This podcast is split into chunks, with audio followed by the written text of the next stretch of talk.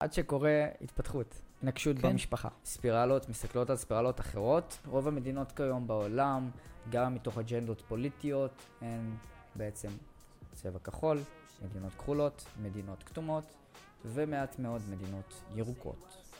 שבהמשך רוב המדינות יהפכו גם לירוקות. לאט לאט. אני חושב שמדינה ירוקה, לפחות האוכלוסייה, רוב האוכלוסייה שם זה הודו. כשמדינה יותר מקבלת את האוכלוסייה שלה, היא בעצם מקדמת את עצמה. נגיד פה בישראל, מה קורה עם. ההומוסקסואליזם? עזוב את כל האידיאולוגיות וסדר עולם מחדש וזה, כן?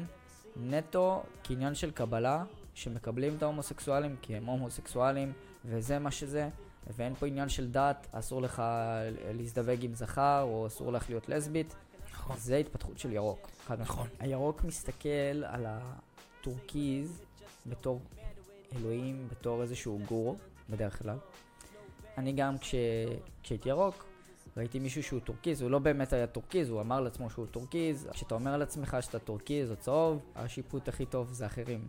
לאו דווקא אתה עם עצמך. יש לנו נטייה להעניק לעצמנו דרגה גבוהה יותר, נכון. כדי להרגיש טוב יותר. וזה נכון, זה בסדר האגו, גמור. זה האגו. זה בסדר גמור, זה צורך שהוא לגיטימי. אני רוצה לראות את עצמי מתקדם יותר ויותר, וברמה הכי גבוהה, כשאתה היית בצבא, אתה רוצה להגיע כבר לרמת סמ"ר או סמל, נכון? נכון. אתה לא רוצה להיות טוראי, אני רוצה נכון. להיות טוראי. נכון. אף אחד לא רוצה להיות טוראי. נכון. כולם רוצים להיות קצינים, פלאפלים וכו' וכו'. צריך להיות מאוד אותנטי בשביל להבין באמת איפה אתה נמצא כרגע. אם אנחנו ניקח את הכחול, או את האדום, האדום מסתכל על הכחול בצורה מאוד מעניינת. הוא קצת איבד את זה. האדום לא מסתדר עם סדר. הוא רואה בכחול לפעמים כדבר מוזן, אבל לפעמים כדבר שיכול לאיים על הקיום שלו. אני חושב שהשלב שלפני, השלב הפחות מתקדם, הרבה פעמים בעיקר רואה את השלב שמעליו כ- כמשהו דפוק. אני, אני חושב שהרבה הרבה מזה קורה ב, בראייה של הכתום לירוק, כי מה פתאום אתה, אתה מפסיק לרדוף אחרי כסף? מה פתאום אתה פותח את הלב? מה פתאום אתה מבזבז כתום אומר time is money, וזה הגישה, ו, וכל מה שהוא לא Time להרוויח כסף כל הזמן נראה לו הזוי. אה, ואני חושב שככה הרבה פעמים האדום מסתכל על הכחול, כאילו, מה זה מישהו מתנגד לך ואתה לא רוצח אותו? מה זה אתה לא דיקטטור? מה, מה זה לדבר על הדברים? אם מישהו לא מסכים איתי, אני הולך לרצוח אותו. כל ספירלה יש לו את האמת שלו. בדיוק, בדיוק, וזה, וזה מרתק לראות את זה. זה מרתק לראות את זה כמו סרט, רק צריך לפתוח פופקורן, ואתה רואה איך כל אחד ואחד הולך ממש. ככה, דרך העבודה של השחזור גלגולים אה, והעבר שלנו, ממש אפשר לראות את זה. האדום רואה את הכתום בתור מישהו שאפשר לעשות איתו עסקים, אבל הוא לא ימהר לעשות איתו עסקים, הוא יהיה קצת סקפטי לפעמים.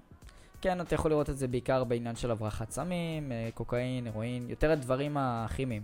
אה, ככה האדום עושה כסף, האדום. משיג את האג'נדה שלו. והכתום מרוויח את הכסף. יש כן. להם אה, יחסי כוחות קוטביים.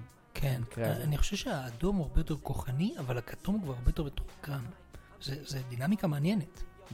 הכתום יכול לראות את החרטות של האדום, נכון. את השטויות של האדום, אבל האדום לא יכול לראות את המניפולציות של הכתום. נכון, כי הוא פחות מתקדם תודעתית, למרות שהוא הרבה יותר אה, כוחני ואלים.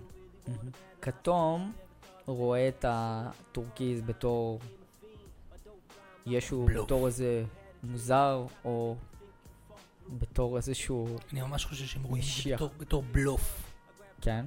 כן, אני חושב שהכתום רואה כל רוחניות בתור בלוף. מה שלא, מה שלא פיזי הוא בלוף מבחינת הכתום. יש אבל נקודות שאם ה- הטורקיז יודע, לי, הטורקיז הוא בדרך כלל יודע להתנהג עם כולם. כן? נכון. הוא, פותר, הוא יודע להסתדר עם כולם. נכון. אז כשהוא בא לכתום, הוא דווקא לא... הם יכולים להסתדר. אם זה חברים, אה, זה פשוט לא יקרה, נכון, נכון. אבל בתיאוריה זה, זה, זה כן יכול להתקיים, לא יהיה להם קונפליקט יותר מדי. אה, כי, כי אה, אני חושב שהטורקיז פשוט יודע איך לנהל את זה בצורה איכותית, בלי להיכנס לקונפליקטים, אבל, אבל אני לא חושב שיש שם איזשהו יותר מדי עומק. בדיוק. הכחול מסתכל על הטורקיז, כמו שציינתי מקודם, בחוויה ישירה שלי, כמוזר, כמישהו שכופר, מה אתה עושה? זה לא מה שאתה אמור לעשות, נכון. אתה עובר על החוקים, אתה... אנחנו לא מדברים אותה שפה, ורוצה אה, להתרחק ממנו, שזה בדיוק מה שקרה לי בשיחה עם מטופל, בחוויה ישירה.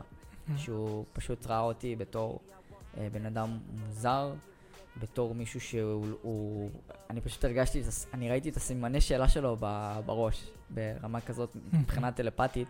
פה בדיוק במקום הזה צריך לשחרר ולהבין שכרגע זה הרוחניות שלו, ככה הוא רואה את הרוחניות. אה, יש כחולים, אגב, הם מאוד מיוחדים שחוויתי, שהם כן פתוחים, למרות שהם אה, כחולים ארטקור, הם עדיין פתוחים לקבל אה, מידע של טורקיז, אוקיי? מהמם. זה לאו דווקא אנשים שהם בשיא, אלא בוא נגיד אם יש קנזס שיא, אז הם בין לבין. אוקיי. וזה אנשים חרדים הגיעו אליי. בגדים שחורים, והם מוכנים לקבל ידע טורקיזי. וזה היה מאוד מע- מעניין בעיניי.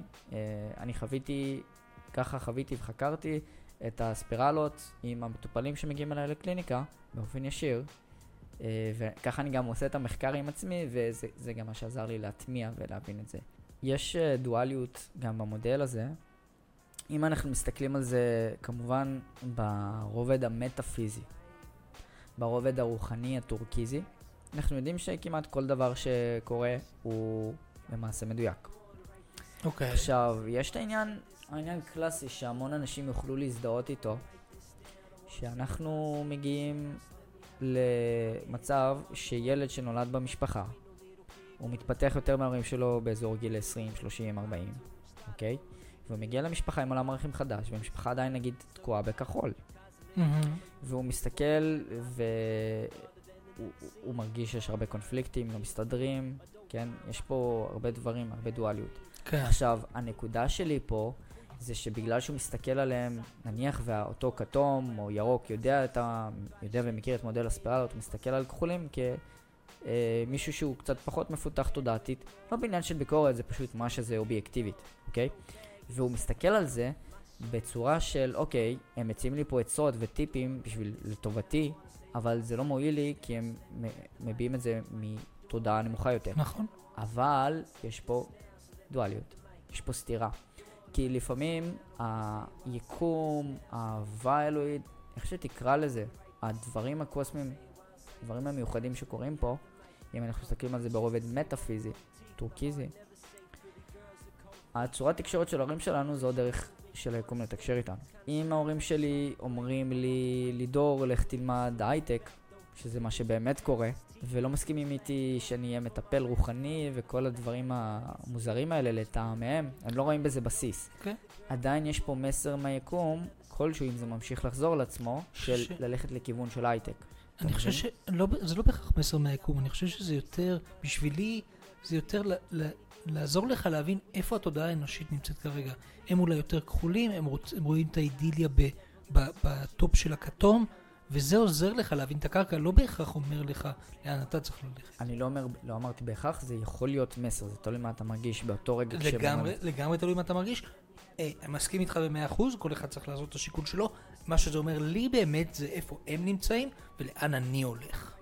נכון. ושיש פה באמת ש... שינוי מטורף בתודעה, כי מי שמדבר על הייטק, הטופ של החיים, זה באמת העולם היותר אה, כתום, ומי שמדבר על להיות פה מורה רוחני, בטופ של החיים, זה כבר אנחנו הולכים לכיוון הטורקיז. ושוב אנחנו חוזרים, טורקיז זה לאו דווקא אומר להיות מורה רוחני. כן. לא תמיד. כן, לא תמיד, רוב הפעמים.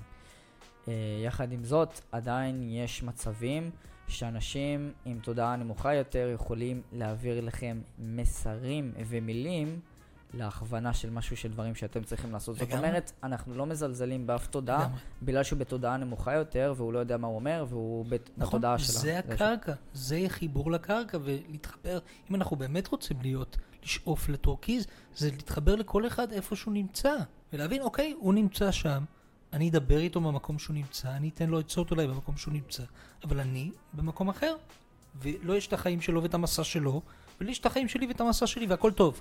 אנחנו חיים פה ביחד בסבבה, בהרמוניה. להאזנה על פרק המלא בפודקאסט, לחצו על הקישור בפרופיל.